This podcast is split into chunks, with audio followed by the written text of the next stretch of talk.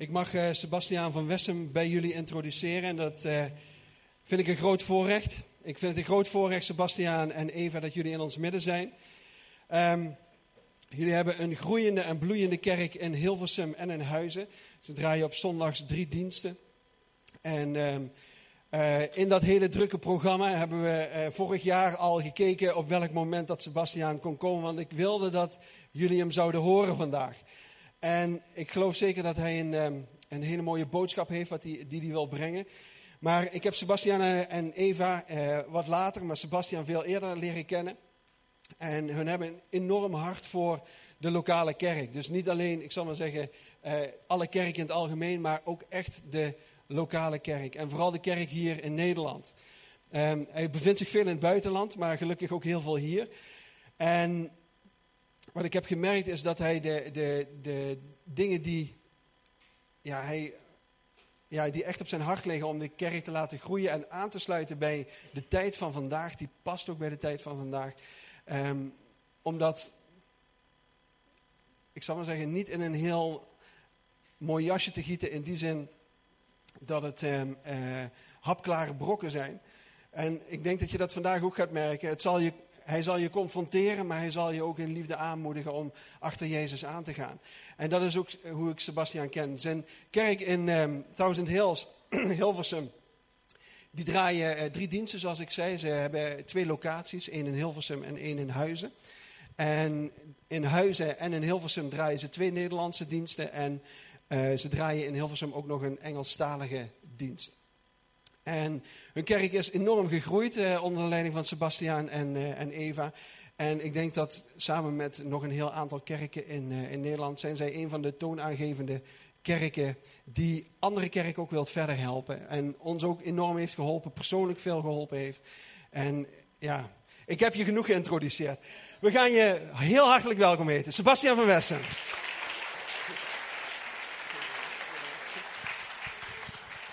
Het is geweldig om hier uh, te zijn, uh, onder vrienden. En uh, ik ben altijd blij om naar Limburg te gaan. Ik weet niet hoe het met, jullie is. Jullie wonen hier, maar voor mij is het altijd een uitje om hier naartoe te gaan. Voor de eerste, eerste keer voor mijn vrouw om, om hier te zijn in, in dit prachtige deel van Nederland. En het voelt als buitenland. Dat is het, dat is het mooiste. Ik denk dat, dat we daarom zo graag hier naartoe gaan. Maar Bart, Katja, jullie zijn echt fantastische mensen, fantastische leiders. Met echt... Uh, zoveel hart voor, voor jullie lokale kerk, voor wat God aan het doen is hier in, uh, in Limburg. En uh, weet je, um, er zijn van die mensen waar, waar je gewoon de plezier aan beleeft om met ze op te trekken. En samen met ze ja, de bediening te doen, kerk te bouwen. En, en jullie vallen zeer zeker in die categorie. En ik ben dankbaar dat ik jullie heb mogen leren kennen, al een flink aantal jaren terug. En uh, om te zien hoe, uh, hoe God jullie visie heeft gegeven voor deze kerk. Hoe God jullie een hart heeft gegeven, passie heeft gegeven voor deze kerk, voor deze regio. En, en ik geloof werkelijk dat, dat wat jullie nu meemaken onder leiding van dit fantastische echtpaar alleen nog maar het begin is van de geweldige dingen die God gaat doen in, in dit deel van Nederland, in Limburg. En weet je, God heeft een tijd voor, voor, voor alles. En um, je hebt misschien gehoord van allerlei kerken die, die honderden, duizenden mensen inmiddels groot zijn in uh, meer in ons deel van Nederland. Maar ik geloof dat God dat ook gaat doen in, uh, in Limburg. Uh, want, want God houdt net zoveel van de Limburg als dat hij houdt van, van de mensen in Noord-Holland of waar dan ook in, in, in Nederland. En um, dankjewel voor, voor jouw leiderschap ook daarin, Bart. Weet je mensen, het is niet vanzelfsprekend dat je leiders hebt als, als Bart en Katja. Zeker niet vanzelfsprekend. Uh, die, die echt voor jullie gaan, die echt gaan voor, voor hun lokale kerk. En uh, je, zorg ervoor dat, we, dat, je, dat jullie samen optrekken om uh, de geweldige visie die God ook aan hun gegeven heeft, om die uit te werken en, en, en daar realiteit van te maken. Nogmaals, het is alleen nog maar het begin van, van het geweldige plan. Dus laten even een applaus geven voor Bart en Katja.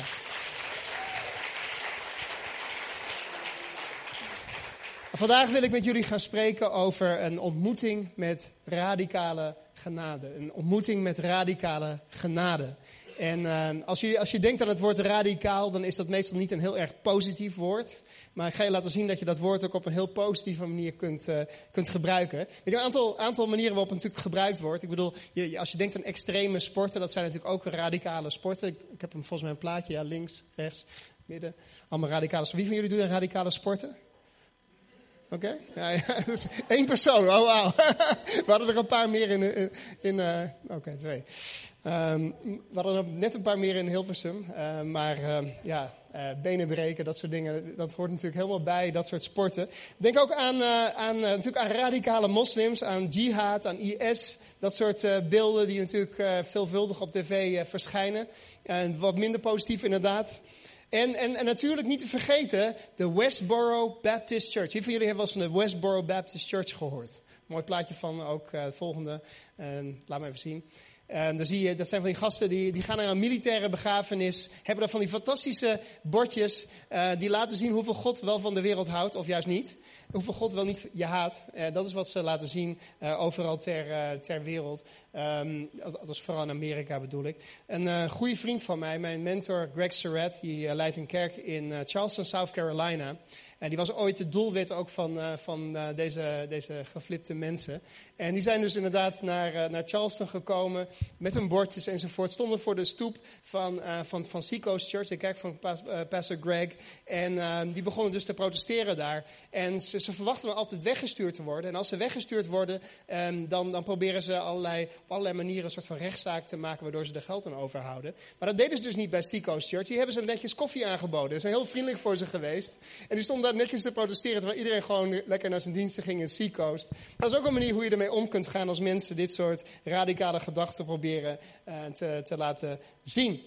Maar ik geloof dat we als christenen ook radicaal in ons geloof mogen zijn.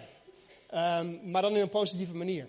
En um, als ik terugdenk ik ben zelf in 1995 tot geloof gekomen. Uh, ja, ik, weet dat jullie denken van, oh, was je toen nog maar uh, uh, was je toen nog maar uh, net, net geboren of zoiets? Nee, ik ben al wat ouder dan dat. Ik ben in 1995 tijdens mijn studie economie tot geloof gekomen. En later nog theologie ook gestudeerd. En ik was heel erg radicaal in mijn geloof. Weet je, als je, als je vanuit de wereld komt en dan, dan christen wordt opeens, dan, dan, dan, dan is alles heel erg levend voor je. En dan, dan heb je best wel radicale standaarden die je jezelf eigenlijk oplegt. Van wat je van jezelf verwacht in het volgen van Jezus. en als je niet uitkijkt, ga je dat ook op andere mensen leggen. En dat heb ik wel een beetje gedaan, moet ik eerlijk zeggen. En dat is niet heel erg gezond geweest in die uh, periode. En ik ben in die de jaren daarna best wel wat, uh, zeg maar, niet zozeer afgekoeld, maar uh, wat wijzer geworden in de manier hoe ik ook mijn geloof probeer te communiceren naar andere mensen toe. Maar radicale genade, dat is dus waar ik het vanochtend met jullie over wil hebben. En dat is eigenlijk radicaal op een heel andere manier. Radicaal op een heel positieve manier als genade radicaal is. En moest denken aan het verhaal van de, van de verloren zoon. Wie van jullie kent het verhaal van de verloren zoon? Allemaal wel, toch? Het is natuurlijk een fantastisch schilderij ook van Rembrandt, wat je op het, uh, op het scherm ziet. En ik denk dat dat wel een van de meest bekende verhalen is in het, uh, in het Nieuwe Testament. En de Engelse naam voor, deze, voor dit verhaal is de prodigal son. De prodigal son. En dat betekent zoveel als de verkwistende zoon. Dus niet de verloren zoon, maar de verkwistende zoon. Het verhaal gaat natuurlijk uh, als volgt. Weet je, hebt een vader die heeft twee zonen. Uh, de oudste is altijd heel erg trouw, wil altijd de vader dienen, altijd de vader helpen. Werkt, helpt, helpt hem bij de in de boerderij. En zijn jongste zoon die zegt van, hé, hey, uh, het is me genoeg geweest. Geef me mijn deel van de erfenis. Ik ga erop uit. Ik ga lekker het geld verkwisten. Ik ga lekker feestje bouwen enzovoort. Vrouwen, drank, drugs, noem maar op. Alles wat ik kan bedenken, dat is wat ik ga doen. Ik ga op, de, op reis om de wereld te ontdekken. Wat er gebeurt is vervolgens, hij verkwist al het geld wat zijn vader hem heeft meegegeven. Om inderdaad erop los te leven. En op een gegeven moment heeft hij niks meer. En zit hij in een varkensstal, geeft hij de varkens eten. En denkt hij van, hé, hey, misschien moet ik maar eens teruggaan naar mijn vader. Want zelfs als ik een, um, een, dienstknecht zou worden van hem, word ik, word ik nog beter behandeld dan, uh, dan de mensen die hier zeg maar, werken in die varkensstal. En wat deze jongeman gedaan heeft ten opzichte van zijn vader is waarschijnlijk het meest beledigende wat je in die tijd kon doen. Wat je tegen je vader kon doen. En weet je, als jij zeg maar tegen je vader zou zeggen van hey, geef me mijn deel van de erfenis. Eigenlijk zeg je tegen je vader, ik wou dat je dood was. Dat is wat hij zei tegen zijn vader op dat moment. En dat zou reden genoeg zijn in die tijd, en ik denk vandaag de dag ook nog steeds, om uh, eigenlijk je kind te onterven. Van hé, hey, ja, helemaal niet. Niet de bedoeling dat jij dat geld, uh, geld krijgt. En uh, deze vader was helemaal anders. Hij stond op de uitkijk, jarenlang, totdat zijn zoon weer terugkwam.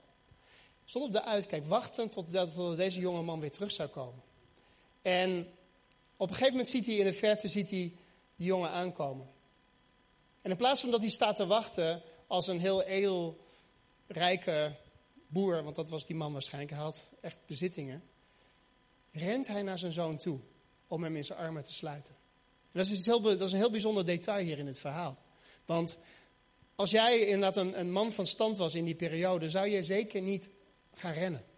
Sowieso is dat natuurlijk, ik bedoel, wil niemand hier. Uh, uh, ik zag een aantal oudere mannen, zag ik wel hardlopen onderweg naar de, de kerk toe, fantastisch. Maar in die tijd gebeurde dat niet. Een oude man die, die ging niet rennen, dat deed je niet. En zeker niet omdat je een soort van, uh, van jurk had, zeg maar, die je aan had, als, ook als mannen. En dat betekent dus dat om te rennen en je knieën vrij te krijgen, moest je dus die jurk optillen en een deel van je, van je, onderbeen eigenlijk laten zien. En dat deed je gewoon niet in die, in die samenleving. Maar deze man deed het wel, omdat hij zoveel hield van zijn zoon. Dus rent op zijn zoon af, sluit hem in zijn armen. En zijn zoon die had al een, een soort van uh, goedmaakspeech voorbe, voorbereid, die hij van plan was af te gaan draaien op het moment dat zijn vader hem zag. Hij kreeg niet eens de kans om die speech voor te dragen. Want zijn vader zei van nee, kom erbij, kom erbij. Je hoort er weer bij. Je hoort er helemaal weer bij. En hij, gaf een feest. Um, bracht het gemeste kalf in en zorgde ervoor dat er een mooi feest was eigenlijk voor die jongste zoon die dood was en nu weer levend was. Oudste zoon, die, uh, die komt thuis en die, en die, hoort de, muziek, hoort de bas van die, uh, van uit de speakers komen van zijn vader. Weet je, net zoals hier op zondagochtend. Die luistert van wat is hier aan de hand? Ontdekt dan dat zijn jongste zoon weer teruggekomen is en wordt verschrikkelijk boos op zijn vader. Hoe kun je het doen? Dat jij als vader jouw gemeste kalf en jouw bezittingen, alles wat je, wat je hebt, verkwist op deze jongen die het niet waard is. Eigenlijk is het verhaal van die verloren zoon, oftewel de verkwistende zoon, kun je dat veel beter het verhaal van de verkwistende vader noemen. Want hij verkwiste zijn bezittingen aan iemand die het totaal niet verdiende. En ik denk dat het een fantastisch beeld is van, van onze God. En ik denk dat, dat onze God, dat, dat Hij een verkwistende vader is. Omdat Hij het beste heeft gegeven wat, wat je maar kunt bedenken. Zijn enige geboren zoon, Jezus Christus, heeft hij naar deze wereld gestuurd. Voor jou en voor mij. Op het moment dat wij totaal niet verdienden. Dat wij nog in zonde leefden. Toen ik nog in zonde leefde, in 1995, kwam, kwam Hij in mijn leven. Hij verkwiste zijn zoon voor ons. Of we nou wel of niet dat verhaal zouden aannemen, eh, of het, feit zouden aannemen dat hij voor ons gestorven was, hij verkwiste zijn zoon voor ons. Wij die het niet waard waren, daar gaf hij zijn zoon voor. Onze God is een verkwistende vader. Onze God, onze God is een verkwistende God. De boodschap van Jezus Christus is een verkwistende boodschap. Onze vrijgevige hemelse vader was radicaal met zijn genade naar ons toe. Gods genade is verkwistend omdat hij het schenkt aan mensen zoals jij en ik die het niet verdienen. Het evangelie van Johannes die, uh, zegt eigenlijk dat Jezus vol van genade en waarheid is in Johannes 1 vers 14. De apostel Paulus zegt dit over christenen. Nee, laten we de waarheid spreken in liefde en zo volledig naar Christus toegroeien. De waarheid spreken in liefde. Waarheid en liefde. En eigenlijk zegt Paulus dat, dat, als Jezus vol van genade en waarheid was, dat we in Jezus zijn voetstappen zouden moeten volgen en net als hij vol van genade en waarheid zouden moeten zijn. Dus waarheid aan de ene kant en aan de andere kant genade en liefde. Dat zijn twee dingen die, twee kwaliteiten die samen horen te gaan in ons leven als volgeling van Jezus. Als we Jezus proberen na te leven in deze wereld. En een bekende predikant genaamd Tim Keller, die zegt het heel treffend. Liefde zonder waarheid is sentimenteel. Het ondersteunt en bevestigt ons, maar houdt ons ook in ontkenning over onze gebreken. Waarheid zonder liefde is hard. Het geeft ons informatie, maar op zo'n manier dat we het niet echt kunnen horen. We hebben genade en waarheid samen nodig. Nou, wat zegt de Bijbel over, over Jezus? Dat Jezus zowel eigenlijk het woord van God en, en, en de waarheid en, en de wet eigenlijk bracht op een manier die vol liefde was. Ik wil even gaan kijken in de bergreden. Ik wil lezen met jullie Matthäus 5, vers 17. Als je een Bijbel hebt, zoek het even op. Het verschijnt ook op, de, op het scherm natuurlijk, maar zoek het even op. Hij zegt dit. Denk niet dat ik gekomen ben om de wet of de profeten af te schaffen. Ik ben niet gekomen om ze af te schaffen, maar om ze tot vervulling te brengen. Ik verzeker jullie, zo, zolang de hemel en de aarde bestaan, blijft elke jota, elke titel in de wet van kracht, totdat alles gebeurd zal zijn. Wie dus ook maar een van de kleinste van deze geboden afschaft en aan anderen leert datzelfde te doen, zoals de kleinste worden beschouwd in het koninkrijk van de hemel. Maar wie ze onderhoudt en dat aan anderen leert, zal in het koninkrijk van de hemel in hoog aanzien staan. Want ik zeg jullie, als jullie gerechtigheid niet groter is dan die van de schriftgeleerden en de fariseeën, zullen jullie zeker niet het koninkrijk van de hemel binnengaan.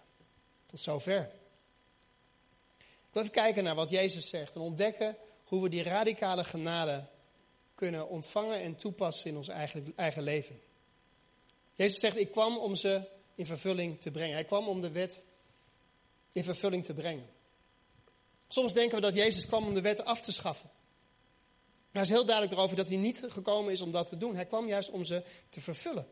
En Jezus deed dat, hield zich volledig aan de regels van de wet. En niemand, niemand anders heeft dat ooit kunnen doen voor, voor hem. Hij is de enige die dat ooit voor elkaar heeft gekregen. Dat hij alle regels van de wet heeft nageleefd. Wat wij voor onszelf niet konden doen, deed hij voor ons. Want Jezus is het volmaakte lam van God. En wij worden in hem volmaakt gemaakt en zullen volmaakt zijn in de eeuwigheid.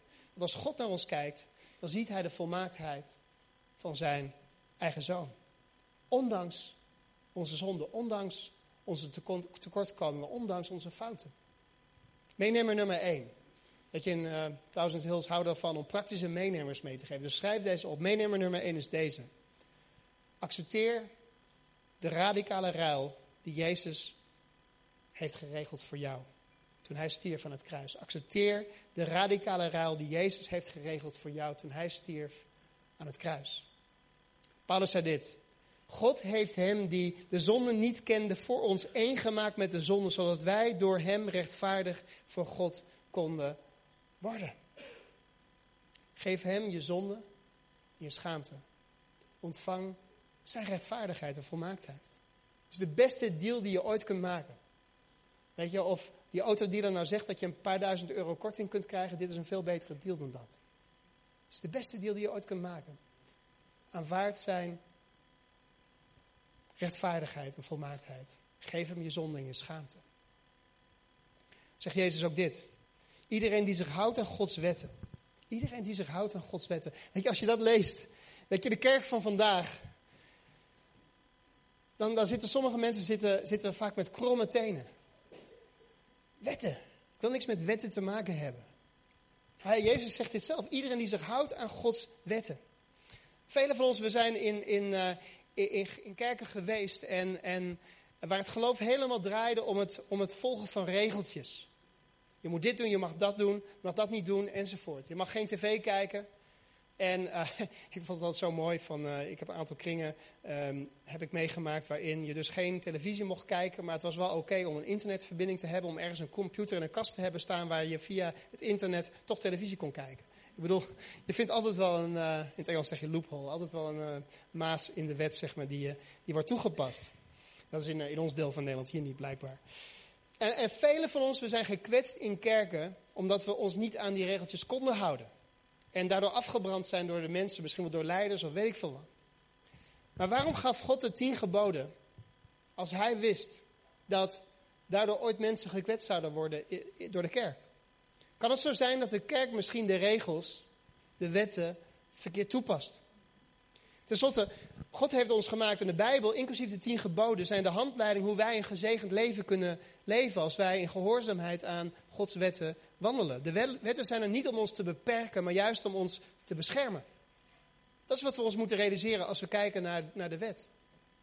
ik hou ervan hoe Psalm 119 beschrijft hoe de psalmist daar van Gods wet houdt. Hij zegt dit, gelukkig, gelukkig, gezegend wie de volmaakte weg gaan en leven naar de wet van de Heer. Gelukkig wie zijn richtlijnen volgen, hem zoeken met heel hun hart. Ze bedrijven geen onrecht, maar gaan de wegen die hij wijst.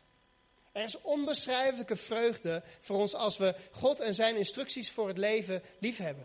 En ik geloof oprecht dat wanneer je besluit om Gods wetten na te leven, dat er een doorbraak gaat komen in je leven. Want ik geloof dat Gods zegen volgt op gehoorzaamheid. Johannes 8, vers 32, Jezus zegt dit. U zult de waarheid kennen en de waarheid zal u bevrijden. Met andere woorden, op het moment dat we, ons, dat, dat we gaan leven volgens Gods instructies voor het leven, dan, dan, dan zal er een geestelijke doorbraak komen in ons leven.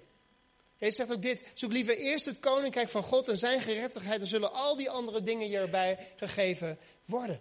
God voorziet in al onze noden op het moment dat wij Hem op de eerste plek zetten. Op het moment dat we zijn koninkrijk op, het eerste, op de eerste plek zetten. Als wij besluiten ook om een rechtvaardig leven te leven. Een leven dat, dat, dat eigenlijk in overeenstemming is met het plan van God voor ons leven. Dus dit is meenemer nummer twee. Wees radicaal in je verlangen om Gods wetten te houden. Om, Gods, om, om je aan zijn leefregels te houden. Maar de realiteit is dat we er zo vaak een puinhoop van maken in ons leven. Toch? Ik bedoel, ik denk dat als ik, als ik jullie zou vragen om je handen op te steken, als je er ooit wel eens een potje van maakt in je leven, ik denk dat we allemaal onze handen zouden opsteken. Ja, zullen we het even doen? Ik, ik, ik ben als eerste die mijn hand opsteekt. Eh, wie van jullie? Oké, nee, jullie, de rest van jullie niet. Jullie zijn leugenaars. Oké, helemaal goed. Mag je nog alsnog je hand opsteken? We maken er allemaal een puinhoop van. Maar zoals ik al zei, het was Jezus die, die volledig voldeed aan de wet van God. Maar ik geloof dat, ook, dat God wel kijkt naar de verlangen in ons hart. Is het verlangen van je hart om, om te leven op een manier die hem behaagt? Of bepalen we onze eigen richting in het leven? Zijn we eigenlijk rebels en denken van, ah, het maakt eigenlijk niet uit. Ik doe lekker mijn eigen dingen en dan vraag ik God wel om het te zegenen. Nee, God vraagt van ons dat we, dat we een verlangen hebben om te leven conform zijn principes. Weet je, God is niet op zoek naar volmaakte mensen. Die heeft hij namelijk al in zijn zoon Jezus. Hij is niet op zoek naar volmaakte mensen. Of zij die denken dat ze dat zijn. Ik bedoel, hoe hypocriet kun je zijn? Aan deze kant van de eeuwigheid zullen we namelijk nooit volmaakt zijn. We zijn enkel volmaakt door Hem, door Jezus. Maar waar God wel naar op zoek is, is dat we onze uiterste best doen. Met, met onze volle toewijding het leven proberen te leven dat Hij voor ons heeft weggelegd. Dat Hij voor ons heeft bestemd. En het goede nieuws voor jou en voor mij is dat er radicale genade is. Er is radicale genade beschikbaar voor jou en voor mij. Ook als we er een puinhoop van maken. Ook als we een keertje niet tussen de regeltjes schrijven. Maar er is ook een activerende genade naast die radicale genade. Er is ook een activerende genade die, ons, die de Heilige Geest ons geeft. Die ons kracht geeft om zo dicht mogelijk bij Hem te leven. En zoveel mogelijk het spiegelbeeld te worden van Jezus. Zoveel mogelijk te worden zoals Hij is. Er is radicale genade voor vergeving, maar er is ook activerende genade. Die ons kracht geeft om te leven conform zijn wil. Filippenzen 1, vers 6. Ik ben ervan overtuigd dat hij die dit goede werk in u is begonnen, het ook zal voltooien op de dag van Christus Jezus. Oftewel de, het moment waarop hij terug zal komen. God begint een goed werk in jouw leven en geeft je de kracht om daarin te groeien. Is de Heilige Geest, de, geest van Jezus die jou de kracht geeft om te veranderen. En in het Oude Testament is, de, is er de belofte dat, dat God jou een nieuw hart zal geven. En dat gebeurt wanneer Jezus in je leven komt. Dat is waarom we het zo belangrijk vinden, al in kerken zoals, zoals Common Zie, maar ook in Thousand Hills, dat, dat jij de kans krijgt om die stap te zetten om Jezus aan te nemen als je persoonlijke Heer en Verlosser. Want dat is het moment dat Jezus in je leven komt, dat Hij je een nieuw hart geeft. En als we wedergeboren worden, zo, zo heet dat dan, worden, worden en geplant zijn in de bodem van een levengevende kerk. En je bent hier op een goede plek. Dan gebeurt er iets bovennatuurlijks. Want, want het huisgezin van God, de familie van God, heeft het potentieel om het beste uit je te halen. Uit een gewone man of vrouw die, die jij of ik ben. Ongeacht je leeftijd, ongeacht je status, ongeacht je achtergrond, ongeacht je behaalde successen in het verleden, maar ook ongeacht je zonden en je fouten. als het jouw hartsverlangen is om God te eren en je aan zijn wetten, aan zijn regels te houden, dan zal zijn genade jou activeren om te leven op een heel ander niveau. Zijn genade bewerkt iets nieuws in jou. Filippenzen 2, vers 13. Want het is God die zowel het willen als het handelen bij u teweeg brengt, omdat het hem behaagt. God doet het in je leven. Alleen dankzij zijn genade, 1 Korinthe 15, vers 10, ben ik wat ik ben. En zijn genade is bij mij niet zonder uitwerking gebleven. Integendeel, ik heb harder gezwoegd dan alle andere apostelen. Niet op eigen kracht, maar dankzij Gods genade. Er was activerende genade werkzaam in het leven van Paulus. Om een heilig leven te kunnen leven, maar ook om het werk te doen waarvoor God hem geroepen had. En dat is dezelfde activerende genade die ook in jouw leven actief wordt. Weet je mensen, heilig leven is niet wat ik zelf probeer te doen, maar de vrucht van wat Christus in en door mij heen doet. Heilig leven is niet wat ik zelf probeer te doen, maar de vrucht van wat Christus in mij en door mij heen doet. Wees dus radicaal in jouw verlangen om je aan Gods wetten te houden. Maar weet dat het Gods radicale genade is die het verschil maakt. En hen die geestelijk dood zijn weer tot leven wekt. Ik moest denken aan het verhaal van Aaron's staf. Aaron was de hoge priester van de Israëlieten toen ze nog in de woestijn rondwandelden. En, en hij had een staf, dat was een uh, amandelstaf. En die was dood, echt morsdood. Op een gegeven moment wilde God laten zien dat Aaron de geroepen priester was door hem. En die staf die kwam weer tot leven. Er kwam weer, het begon uit te botten, zeg maar. En begon weer te bloeien, begon weer vrucht te dragen door Gods genade. Omdat het onder het verzoendeksel lag. Het lag onder de genade van God in de, in, in de ark van het verbond. En het is de genade van God die onze dode huwelijken weer levend maakt. Het is de genade van God die een gebroken, getraumatiseerd leven weer tot leven brengt. Gods genade kan dode dingen weer tot leven brengen. Zijn genade kan jou en jouw gezin genezen. Zijn genade kan relaties waarvan de duivel zegt dat de dode stokken zijn weer genezen. God geeft leven waar de vijand probeert te stelen, te verdoden en te vernietigen. Mag best aan men zeggen. Dankjewel Bart. Ik heb soms een beetje hulp nodig om te preken van jullie, dus uh, dat je het even weet. En het begint allemaal met een radicaal verlangen om te leven naar Gods wetten. En Gods radicale genade zal je activeren, het geweldige leven dat God met jou voor heeft, om dat leven te leven. Hoeveel van jullie willen meer van God in je leven hebben? Hoeveel van jullie willen dat? Ik denk dat we dat allemaal wel willen, toch? Meer van God in ons leven. Anders zouden we hier niet, weet je, vroeg opgestaan zijn om hier naar de kerk toe te komen. Allemaal willen we dat. Jezus gaat verder. Hij zegt dit: Als jullie gerechtigheid niet groter is dan die van de schriftgeleerden en de fariseeën, zullen jullie zeker het koninkrijk van de hemel niet binnengaan. Wat was dan de gerechtigheid van de fariseeërs? Deze mensen die, die hielden zich aan de wet, maar negeerden Gods hart achter de wet. Ze hielden zich aan de wet, maar negeerden Gods hart achter de wet. Het ging allemaal om het uiterlijke vertoon bij ze. Dan geef je op glas, glad ijs als je daar mee bezig gaat. En later in Jezus' bediening vroegen de fariseeërs wat hij dacht wat het belangrijkste gebod was. En dan zegt hij dit, eigenlijk om ze even op hun nummer te zetten. Hij zegt dit, heb de Heer uw God lief met heel uw hart, met heel uw ziel en met heel uw verstand. Dat is het grootste en het eerste gebod. Het tweede is daaraan gelijk. Heb uw naaste lief als uzelf. Deze twee geboden zijn de grondslag van alles wat er in de wet en de profeten staat. Houden van God. Houden van mensen. Dat is het hart achter elke oud-testamentische wet die je in de Bijbel kunt vinden. de fariseeërs die misten de motivatie daarachter. Voor hen ging het alleen maar om de buitenkant. Het hart van God is dat, het hart van de wet is dat we God lief hebben en andere mensen lief hebben. En daarom roept Jezus ons op om radicaal te zijn in het tonen van genade, om Gods genade door te geven naar andere mensen.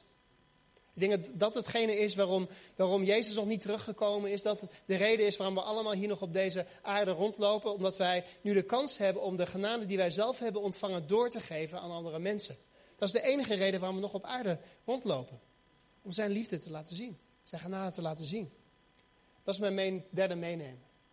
Wees radicaal in het doorgeven van Gods genade. Wie van jullie heeft wel eens, is wel eens in het Vaticaan geweest? Wie van jullie is wel eens daar geweest? Nou, best meer, groter percentage hier dan in Hilversum. Ik denk dat daar een reden is.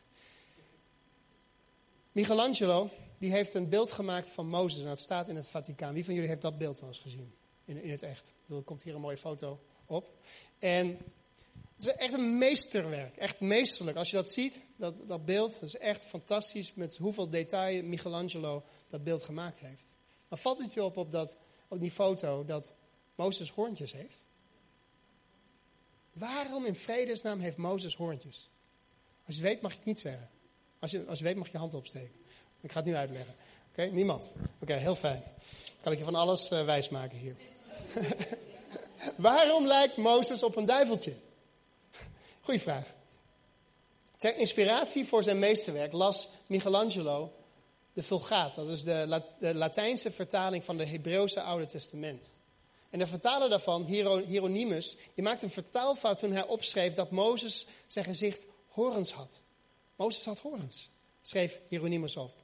Want In het Hebreeuws stond er eigenlijk dat, dat Mozes zijn gezicht glansde doordat hij met de Heer had gesproken. Maar het probleem is dat in het Hebreeuws dat dat zo dicht bij elkaar ligt dat, dat Hieronymus de verkeerde uh, keuze had gemaakt erin. Waardoor er dus stond dat Mozes zijn gezicht horens had in plaats van dat zijn gezicht glanste. Van de tegenwoordigheid van God, van de heerlijkheid van God. En vandaar heeft deze, dit, dit standbeeld van Mozes nu opeens dus horens. Maar weet je, dat is precies wat wij mensen neigen te doen met andere mensen. We horen een of ander gerucht over die en die persoon. Of we hebben een of andere aanvaring met die persoon. En, en, en op van het ene op het andere moment beginnen wij die persoon te zien alsof die horentjes heeft. We, we, eh, zijn helemaal van um, dat, we, dat we eigenlijk in de box zitten tegenover die andere persoon. Van we mogen die persoon niet meer. En er is altijd wat mis met wat die persoon doet. Er is altijd wat mis aan de, aan de, aan de motivatie van de dingen die hij doet of van wat hij zegt. Altijd lezen we tussen de regels. Terwijl die persoon gewoon een normaal persoon is. Die persoon heeft horentjes gekregen omdat wij een hekel aan hem hebben. We hebben een oordeel al klaar over die persoon omdat ze iets stoms deden. Of omdat ze iets gedaan hadden waar we aanstoot aan namen. En er zijn horentjes verschenen in het beeld dat wij hebben van die persoon. En van onszelf denken we dat we engeltjes zijn. Wie van jullie denken dat je een engeltje bent? Oké, allemaal zijn we engeltjes. Toch? Maar weet je, de enige reden waarom jij geen horens hebt, is omdat je onthoornd bent door het bloed van Jezus. Dat is de enige reden waarom jij geen hoortjes hebt. En weet je waarom we zo worstelen met het doorgeven van genade aan andere mensen? Omdat dat velen van ons nooit die radicale genade die God voor ons heeft, echt ervaren hebben in het diepste van ons wezen. En dus blijven die hoortjes zitten op die andere persoon. We hebben nooit in het diepste van ons wezen ervaren hoeveel God van ons houdt. Hoeveel genade God voor onszelf heeft. En dat is iets wat moet doordringen tot in het diepste van ons wezen. We moeten begrijpen, moeten vastzien te pakken hoeveel die radicale genade ook wel niet is voor ons. We hebben een ontmoeting nodig met radicale genade. We hebben nodig dat God ons overlaat met liefde en genade. En we kunnen alleen radicale genade doorgeven als we het zelf hebben ervaren. Je kunt niet doorgeven wat je zelf niet hebt ontvangen. En misschien heb je het misschien verstandelijk geaccepteerd, die radicale genade, dat Jezus voor je gestorven is en dergelijke. Maar dat is iets wat, wat van hier tot hier moet dalen. Naar je hart moet afdalen. En pas vanaf dat moment kun je die radicale genade doorgeven aan andere mensen. En Jezus zegt ook dit in de bergreden. Gelukkig de barmhartigen, oftewel hen die genadevol zijn, want zij zullen barmhartigheid, oftewel genade, ondervinden, zullen het zelf ontvangen. Als jij barmhartig bent naar andere mensen, als jij vol genade bent naar andere mensen, zul je dat ook zelf ontvangen. Als je vol genade bent naar andere mensen toe, dan zul je zelf zegen, oftewel geluk, oogsten. Als je genade blijft geven aan mensen die het je moeilijk maken en die het niet verdienen, dan zal God je zegenen. God zal je geluk geven. Als je genade geeft aan andere mensen, zul je zelf genade ontvangen. Dat is Gods wet hier. Zijn wetmatigheid. En weet je mensen, je hebt alles in huis om andere, liefde, uh, andere mensen lief te hebben. Anderen te vergeven, andere genade door te geven. Waarom? Omdat jij zelf genade hebt ontvangen. We hebben anderen lief omdat God ons eerst heeft lief gehad, zegt Johannes in zijn eerste brief. Maar ik, wil, ik zou willen dat we allemaal zo radicaal waren in het doorgeven van de genade die we zelf hebben ontvangen aan andere mensen. Wat een geweldige kerk zouden we, zouden we zijn in Nederland. Als we dat allemaal zouden gaan uitleven, leven, stuk voor stuk. Wat een geweldige getuigenis zouden we hebben overal waar we maar heen gaan. Maar ze hebben me zo'n pijn gedaan. Ze verdienen het niet. Dat is juist het hele punt. Weet je, genade is onverdiende goedheid. Die andere persoon heeft het niet verdiend, maar toch geven we die genade door. Omdat we het zelf ontvangen hebben eerst. Weet je, mensen, te vaak beoordelen we onszelf op onze motivatie, terwijl we anderen beoordelen op hun handelen. Het is tijd juist nu om genade door te geven. Want genade tilt mensen op. Genade zegt, geef hen nog een kans. Genade zal hun leven op de kop zetten. En Jezus is de weg, de waarheid en het leven. Jezus is de weg naar Gods genade toe. En als je Jezus ontmoet, heb je die ontmoeting met genade die jou in staat stelt, die jou activeert om te vergeven, die jou activeert om lief te hebben, die jou activeert om genade te geven aan hen die het juist niet verdienen. Terwijl ik afsluit, wil ik nog even stilstaan bij een fantastisch verhaal in het Nieuwe Testament. Het verhaal van de vrouw die betrapt werd op overspel. Bekend verhaal ook. Deze vrouw werd op heterdaad betrapt. Door wie? Door de fariseeërs. Dan vraag je je af of, ze, of het opzet was. Dat ze haar betrapte. En ze, brengen haar naar Jezus. En, en ze herinneren hem aan het feit dat de wet aangeeft dat zo iemand gestenigd zou moeten worden. En vragen zich dus af wat Jezus vindt wat er met haar zou moeten gebeuren. Pure manier eigenlijk om Jezus um, eigenlijk te laten struikelen over, over de wetten die zijn eigen vader gemaakt had. Natuurlijk hoopten ze iets te horen waarvan ze hem zouden kunnen beschuldigen. Maar Jezus zegt daarentegen helemaal niets. Wat doet hij? Hij bukt. Gaat in het zand, gaat in het stof lopen schrijven. Blijf maar doorgaan. Totdat die mensen gaan vragen van, hé hey Jezus, wat ben je nou eigenlijk aan het doen? Wat moeten we doen met deze vrouw? Hij staat op en, hij zegt tegen hen, wie van jullie zonder zonde is, laat die als eerste een steen naar haar toe werpen. En hij bukt opnieuw. Gaat opnieuw schrijven in het stof. Gaat opnieuw schrijven in het zand. Dan zie je dat één voor één al die aanklagers aan het afdruipen zijn. Eén voor één zijn ze aan het afdruipen, terwijl Jezus in het, in het stof aan het schrijven, is. Ik heb een theorie. Mijn theorie is dat wat Jezus daar in het zand schreef, dat hij de zonde aan het opschrijven was van al die, van al die mannen die, die vrouwen aan het aanklagen waren. Je ziet dat, uh, dat de oudste als eerste afdroop en de jongste pas als laatste. ik denk dat het lijstje van zonden van die ouderen net iets langer was dan het lijstje van zonden van de jongeren.